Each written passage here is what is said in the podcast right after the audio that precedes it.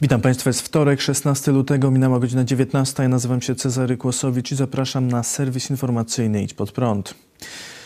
Zmarł oskarżony o pedofilię ksiądz Andrzej Dymer. Od długiego czasu cierpiał na chorobę nowotworową, miał 58 lat. W zeszłym tygodniu ksiądz Dymer został usunięty przez arcybiskupa Andrzeja Dzięgę z funkcji szefa Instytutu Medycznego Jana Pawła II. Stało się to po rozmowie arcybiskupa z jedną z ofiar księdza. Wczoraj TVN24 wyemitował reportaż o sprawie księdza Dymera pod tytułem Najdłuższy proces Kościoła. Sprawę molestowania i przeciągania procedur kościelnych opisał wcześniej Zbigniew Nosowski, redaktor kwartalnika Więź. W serii artykułów Przeczekamy i prosimy o przeczekanie. O wykorzystywaniu seksualnym małoletnich chłopców władze archidiecezji szczecińskiej wiedziały już w 1995 roku. W 2004 roku rozpoczął się proces kanoniczny. W 2008 Kościelny Trybunał miał uznać księdza za winnego, jednak dopiero w listopadzie zeszłego roku ujawniono treść wyroku, który mówi m.in. o uzyskaniu pewności moralnej co do zasadności oskarżeń księdza Andrzeja Dymera o molestowanie wychowanków ogniska świętego brata Alberta w Szczecinie w latach 1993-95. Dziś Zbigniew Nosowski napisał na stronie internetowej kwartalnika Więź. Zmarł Andrzej Dymer, zmarł jako ksiądz, zmarł bez wyroku, a nie powinien umrzeć bez wyroku i nie powinien umrzeć jako duchowny, ale tak długo władze kościelne przeczekiwały, że skutecznie przeczekały i już Gdański Trybunał Metropolitalny wyroku w drugiej instancji nie wyda, bo oskarżony nie żyje. Teraz czas na powołanie komisji historycznej i otwarcie archiwów kurialnych, prokuratorskich, sądowych i nie tylko. Jeśli sprawiedliwość ma być sprawiedliwością, śmierć Andrzeja Dymera nie może oznaczać końca jego sprawy. Wczoraj prymas Wojciech Polak, który pełni funkcję delegata episkopatu do spraw ochrony dzieci i młodzieży, wydał oświadczenie w związku z reportażami o księdzu Dymerze. Uważam, że niesłychana przewlekłość kościelnych procedur w sprawie księdza Andrzeja Dymera oraz brak odpowiedniego traktowania osób skrzywdzonych na wielu etapach tego postępowania nie mają żadnego usprawiedliwienia, napisał prymas. Przypomniał, że w czerwcu spotkał się z dwoma osobami pokrzywdzonymi przez księdza i ich prawnikami. Ponieważ osobom pokrzywdzonym towarzyszyli doświadczeni prawnicy znający sprawę, uznałem, że osoby skrzywdzone będą miały wystarczającą pomoc, aby dokonać zgłoszenia do Stolicy Apostolskiej. Zaproponowałem wsparcie mojego biura w przygotowaniu zgłoszenia oraz Fundacji Świętego Józefa w udzieleniu pomocy psychoterapeutycznej. Po obejrzeniu reportażu jest mi przykro, że nie sprostałem oczekiwaniom osób pokrzywdzonych, stwierdził arcybiskup Polak. Podkreślił, że w tej chwili po złożeniu zawiadomienia do Watykanu osądzenie sprawy jest wyłącznie kompetencją Stolicy Apostolskiej. Również wczoraj rezygnację z zasiadania w Radzie Fundacji Świętego Józefa złożył Robert Wiktor Fidura-Porycki, który był w Radzie jedynym przedstawicielem osób pokrzywdzonych. Fidura sam został ofiarą księdza pedofila jako nastolatek. Rada ma zajmować się pomocą dla osób skrzywdzonych wykorzystaniem seksualnym w Kościele katolickim. Jak napisał Fidura w liście do prymasa, nie jest w stanie w zgodzie ze swoim sumieniem firmować działań konferencji Episkopatu Polski, w której zasiadają tacy ludzie jak Dzięga, Głódź, Janiak czy Dziuba. Dowiaduję się o kolejnych sprawach, których nie umiem nazwać cywilizowanym językiem. Okazuje się, że Dzięga, jak i emeryt Głódź, ale także ponad 90% biskupów skoncentrowali swoją działalność na dyskredytację nieumarłych, na torpedowanie pomocy, stwierdził Fidura Porycki. Bardzo dziękuję panu Robertowi za tę naprawdę szlachetną decyzję. Tu widać, że coś się dzieje w polskich y, katolikach, w umysłach polskich katolików, że już nie chcą milczeć. Ten człowiek, który sam był y, molestowany, który przecież zajmował się w tej fundacji świętego Józefa takimi sprawami, czyli wiele słyszał. Wiele słyszał, wiele widział też.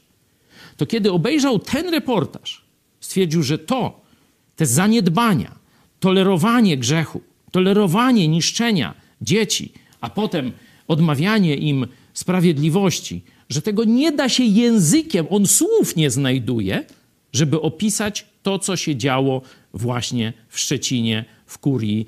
Zobaczcie, odmawia im tytułów biskupich czy arcybiskupich. On mówi do nich po nazwisku. To znak, że przynajmniej ta światła część polskich katolików jasno mówi dość. Tak odczytuje ten szlachetny gest. Adam Bielan wezwał Jarosława Gowina do przekazania siedziby partii. Portal Onet ujawnił treść pisma, jakie Adam Bielan, uważający się za pełniącego obowiązki prezesa partii Porozumienie Jarosława Gowina, wysłał do Jarosława Gowina. W liście Bielan wzywa do przekazania mu siedziby, dostępów do kont bankowych oraz dokumentacji partii. W piśmie zaznaczono, że Gowin ma na to czas do 18 lutego. Do tego dnia ma zostać także złożony wniosek o dokonanie zmian w KRS i w rejestrze partii politycznych. Wicerzecznik porozumienia Jan Strzeżek skomentował działania Bielana w dzisiejszym programie Idź pod prąd na żywo. Bardzo pięknie jest mieć marzenia i cieszę się, że Adam Bielan też ma marzenia, e, ale niestety nie każde marzenie można zrealizować. To jest jedno z tych marzeń, które jest nie do zrealizowania, bo nie widzę absolutnie żadnego powodu, dla którego były członek partii miałby dostać e, dokumenty, miałby dostać e, klucze do biura, więc traktuję to jako taki zabawną zaczepkę, ale zaczepkę, która nie ma żadnych skutków za sobą. Adam Bielan w zeszły piątek został e, wyrzucony z porozumienia Jarosława Gowina, jest byłym członkiem, więc nie wiem, dlaczego mielibyśmy się do próśb byłych członków stosować. Rzecznik odniósł się też do pomysłu, aby w posiedzeniach Rady Koalicji uczestniczyli zarówno Jarosław Gowin, jak i Adam Bielan. Nie wiem, w jakim charakterze Adam Bielan mógłby przychodzić na Radę Koalicji, może jako fotograf, może jako reporter, ale na pewno nie jako członek i przedstawiciel porozumienia, bo członkiem porozumienia już od dawna nie jest. Dziś po południu sekretarz generalny porozumienia Stanisław Derechajło wydał oświadczenie. W związku z pojawiającymi się w przestrzeni medialnej nieprawdziwymi informacjami dotyczącymi funkcjonowania organów statutowych porozumienie Jarosława Gowina uprzejmie wyjaśniam, iż prezesem partii jest Jarosław Gowin, co znajduje potwierdzenie we wpisie do ewidencji partii politycznych prowadzonej przez Sąd Okręgowy w Warszawie. Tymczasem Jarosław Gowin ogłosił rozpoczęcie konsultacji w sprawie podatku od reklam. Na Twitterze minister rozwoju napisał: Jutro spotkaniem z Izbą Wydawców Prasy rozpoczynam konsultacje w sprawie podatku od reklam. Żaden ewentualny podatek nie powinien być wprowadzany bez konsultacji z przedsiębiorcami. W piątek zarząd porozumienia postanowił, że partia nie poprze ustawy o podatku dla mediów. Kontrowersyjna nominacja w IPN. Prezes Instytutu Pamięci Narodowej Jarosław Szarek nominował na szefa wrocławskiego oddziału IPN Tomasza Greniucha. Kandydatura wzbudza kontrowersje również w samym IPN.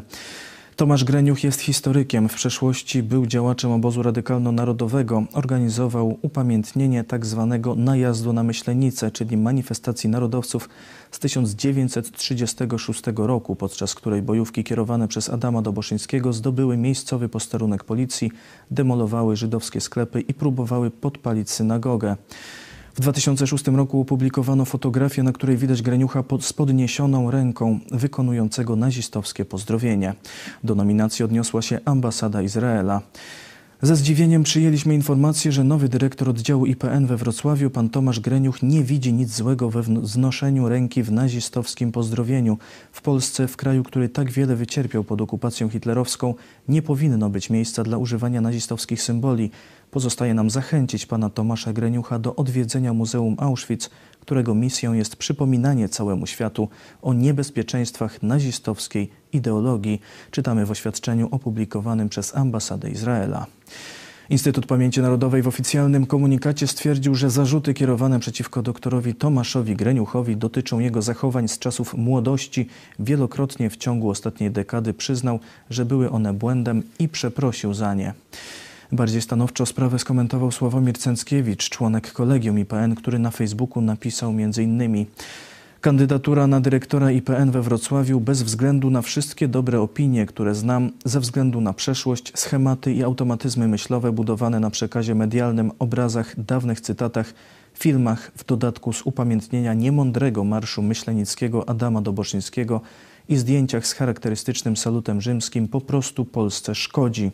Chcę, byście mnie zrozumieli, że czasem trzeba się powstrzymać, może i cofnąć, by mówiąc językiem Romana Dmowskiego, naszym własnym maksymalizmem Polski nie zarżnąć.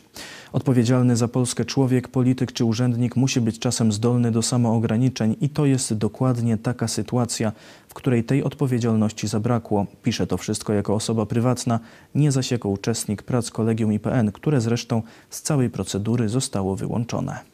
Głos profesora Cęckiewicza jest bardzo cenny, bo on pokazuje, że dla dobra Polski powinniśmy teraz szczególnie dbać o reputację, a nie, że tak powiem, dawać amunicję No właśnie, wrogom Polski. nie- Pochwała dla ambasady Izraela, że dość tak, jakby to powiedzieć, miękko zareagowali. Naprawdę to stanowisko jest takie, bym powiedział, wyważone i przyjazne, znaczy nie dąży do konfliktu.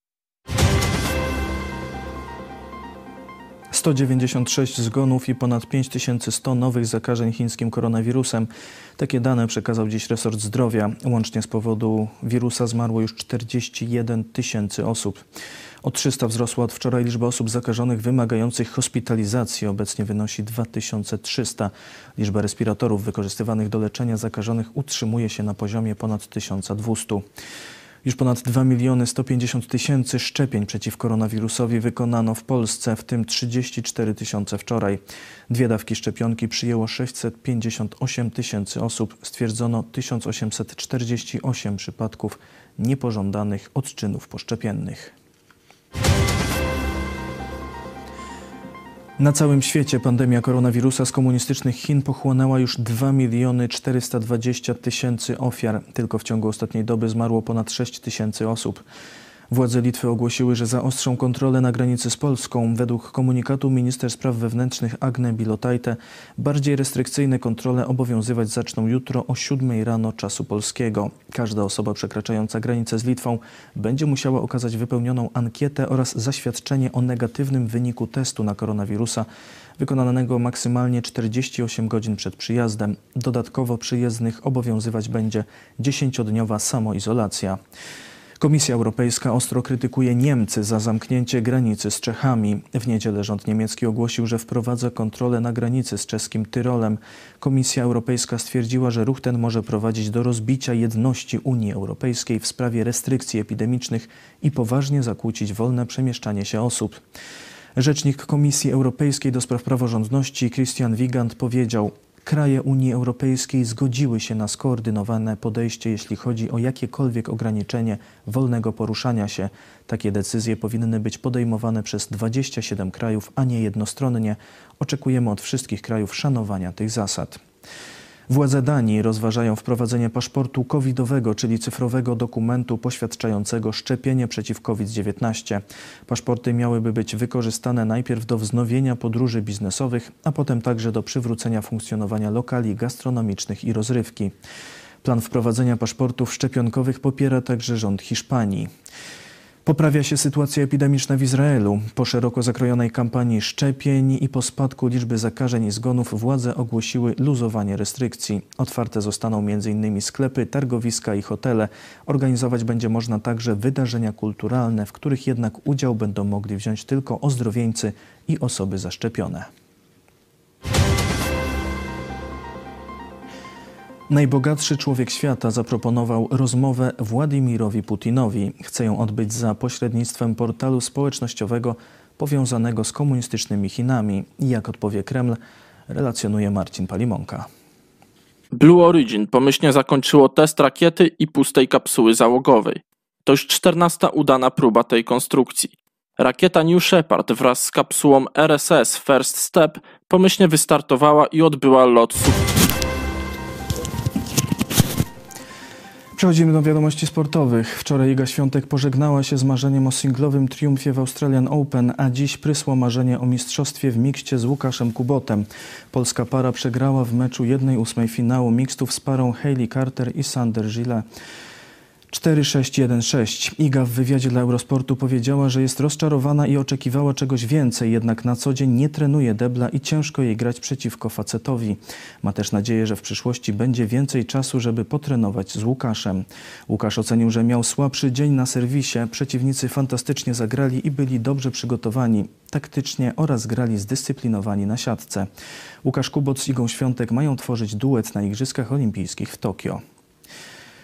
Bardzo dobrze na tegorocznych Mistrzostwach Świata w narciarstwie alpejskim rozgrywanych we włoskim Cortina d'Ampezzo spisuje się Maryna Gąsienica-Daniel. W dzisiejszych eliminacjach do slalomu równoległego Polka zajęła czwartą pozycję, natomiast w finałowej fazie zawodów ostatecznie zajęła ósme miejsce, co jest jej życiowym sukcesem. Wygrała Włoszka Marta Bassino, druga była Austriaczka Katarina Linsberger, która wyeliminowała Polkę w ćwierćfinale zawodów. Podium uzupełniła francuska Teresa Worley. Wczoraj nasza Alpejka zajęła 12 pozycję w superkombinacji, co jest jej najlepszym rezultatem w karierze. W czwartek Polka wystartuje w swojej koronnej konkurencji slalomie gigancie. Po przeprowadzce do USA jeździł z tatą zdezelowanym autem. Teraz ma w kolekcji tyle samochodów, że sam nawet nie wie ile dokładnie. Tak mówił o sobie w wywiadzie dla portalu Onet Sebastian Janikowski, polski zawodnik futbolu amerykańskiego, uważany przez ekspertów za najsilniej i najlepiej kopiącego gracza w historii. Urodził się w 1978 roku w Wałbrzychu. Kiedy był w pierwszej klasie podstawówki, do Stanów Zjednoczonych wyjechał jego ojciec. Wspomina, jak jeszcze w Polsce przekopał piłką czteropiętrowy blok i jak strzałem złamał słupek bramki. Jego celem była gra w reprezentacji Polski w piłce nożnej. Zawsze wierzył w siebie i swój potencjał. W Polsce brakowało pieniędzy, był problem, żeby położyć chleb na stole. Sebastian w wieku 16 lat dołączył do ojca będącego w Stanach Zjednoczonych. Przez pierwszy rok pobytu nie znał angielskiego, nie chodził do szkoły i tylko oglądał telewizję. W wieku 22 lat dostał kontrakt na 6 milionów dolarów. Jak twierdzi, na początku kariery w NFL Al Davis powiedział, że chce właśnie mnie. Czasem wystarczy, żeby jedna osoba w ciebie uwierzyła i ja właśnie na takiego kogoś trafiłem. Oczywiście musiałem być też dobry, żeby ktoś zwrócił na mnie uwagę. W trakcie kariery Janikowski zarobił ponad 50 milionów dolarów, co czyni go najlepiej zarabiającym kopaczem w historii. Wyliczono, że jedno kopnięcie Sebastiana jest warte 120 tysięcy dolarów, a w Stanach Zjednoczonych jest bardziej popularny niż Robert Lewandowski w Polsce. W 2019 roku zakończył karierę. To wszystko w tym wydaniu serwisu. Dziękuję Państwu za uwagę. Kolejny serwis jutro o 19, a jeszcze dziś o 20.30. Biblia w, w czasie zarazy i 17 rozdział Księgi Apokalipsy o wielkiej prostytutce. Do zobaczenia. Elon Musk zaprosił Władimira Putina do rozmowy. Samo zaproszenie wystosował na swoim koncie twitterowym, gdzie oznaczył oficjalne konto Kremla. Później dopisał już po rosyjsku, że rozmowa byłaby dla niego zaszczytem. Na razie nie wiadomo, o czym ekscentryczny miliarder chciałby rozmawiać z Putinem. Rzecznik prezydenta Federacji Rosyjskiej Dmitrij Pieskow odpowiadając na zaproszenie Maska stwierdził Ogólnie to bezdyskusyjnie bardzo ciekawa propozycja, ale musimy się rozeznać o co chodzi, co dokładnie się nam proponuje. Dlatego będziemy musieli najpierw wszystko sprawdzić, a potem zareagować. Ciekawe jest to, gdzie Musk chciałby rozmawiać z Putinem, ponieważ na miejsce rozmowy wybrał nowe medium społecznościowe Clubhouse. Na razie, aby dołączyć do Clubhouse, niezbędne jest zaproszenie od osoby już będącej użytkownikiem platformy. Przez to portal zyskał miano elitarnego, gdyż nie każdy chętny może do niego dołączyć. Sama platforma też różni się od istniejących mediów społecznościowych. Użytkownicy mogą ze sobą prowadzić rozmowy głosowe w specjalnie utworzonych w tym celu pokojach tematycznych. Poza tą funkcjonalnością portal daje użytkownikom możliwość stworzenia podstawowego profilu z awatarem i krótkim opisem. Nie jest możliwe zamieszczanie zdjęć i innych treści. Portal zdobywa ostatnio coraz większą popularność i wiele wskazuje na to, że może stać się znaczącym medium społecznościowym. Jeszcze w grudniu miał 600 tysięcy użytkowników, teraz jest to już 6 milionów. O jego sukcesie świadczy fakt, iż Facebook i Twitter już zaczęły kopiować pomysł rozmów na żywo i wdrażać go w swoich platformach. Clubhouse na razie dostępny jest tylko na iPhone, prace nad aplikacją na Androida wciąż trwają. Obecnie w Clubhouse panuje całkowita wolność słowa. Teoretycznie regulamin aplikacji zabrania tzw. Tak mowy nienawiści, jednak o tym, co jest dozwolone, decydują moderatorzy poszczególnych pokojów. Globalna moderacja treści na portalu nie istnieje. Aplikacja dzięki temu zyskała popularność w komunistycznych Chinach, lecz właśnie ze względu na wolność wypowiedzi na niej panującą została tam zbanowana.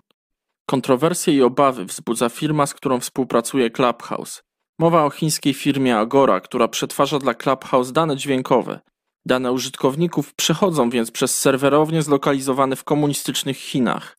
Agora przyznaje, że musi przestrzegać chińskiego prawa i będzie zobowiązana udzielać informacji na temat użytkowników chińskim władzom. W praktyce może oznaczać to po prostu inwigilację użytkowników przez komunistyczne Chiny.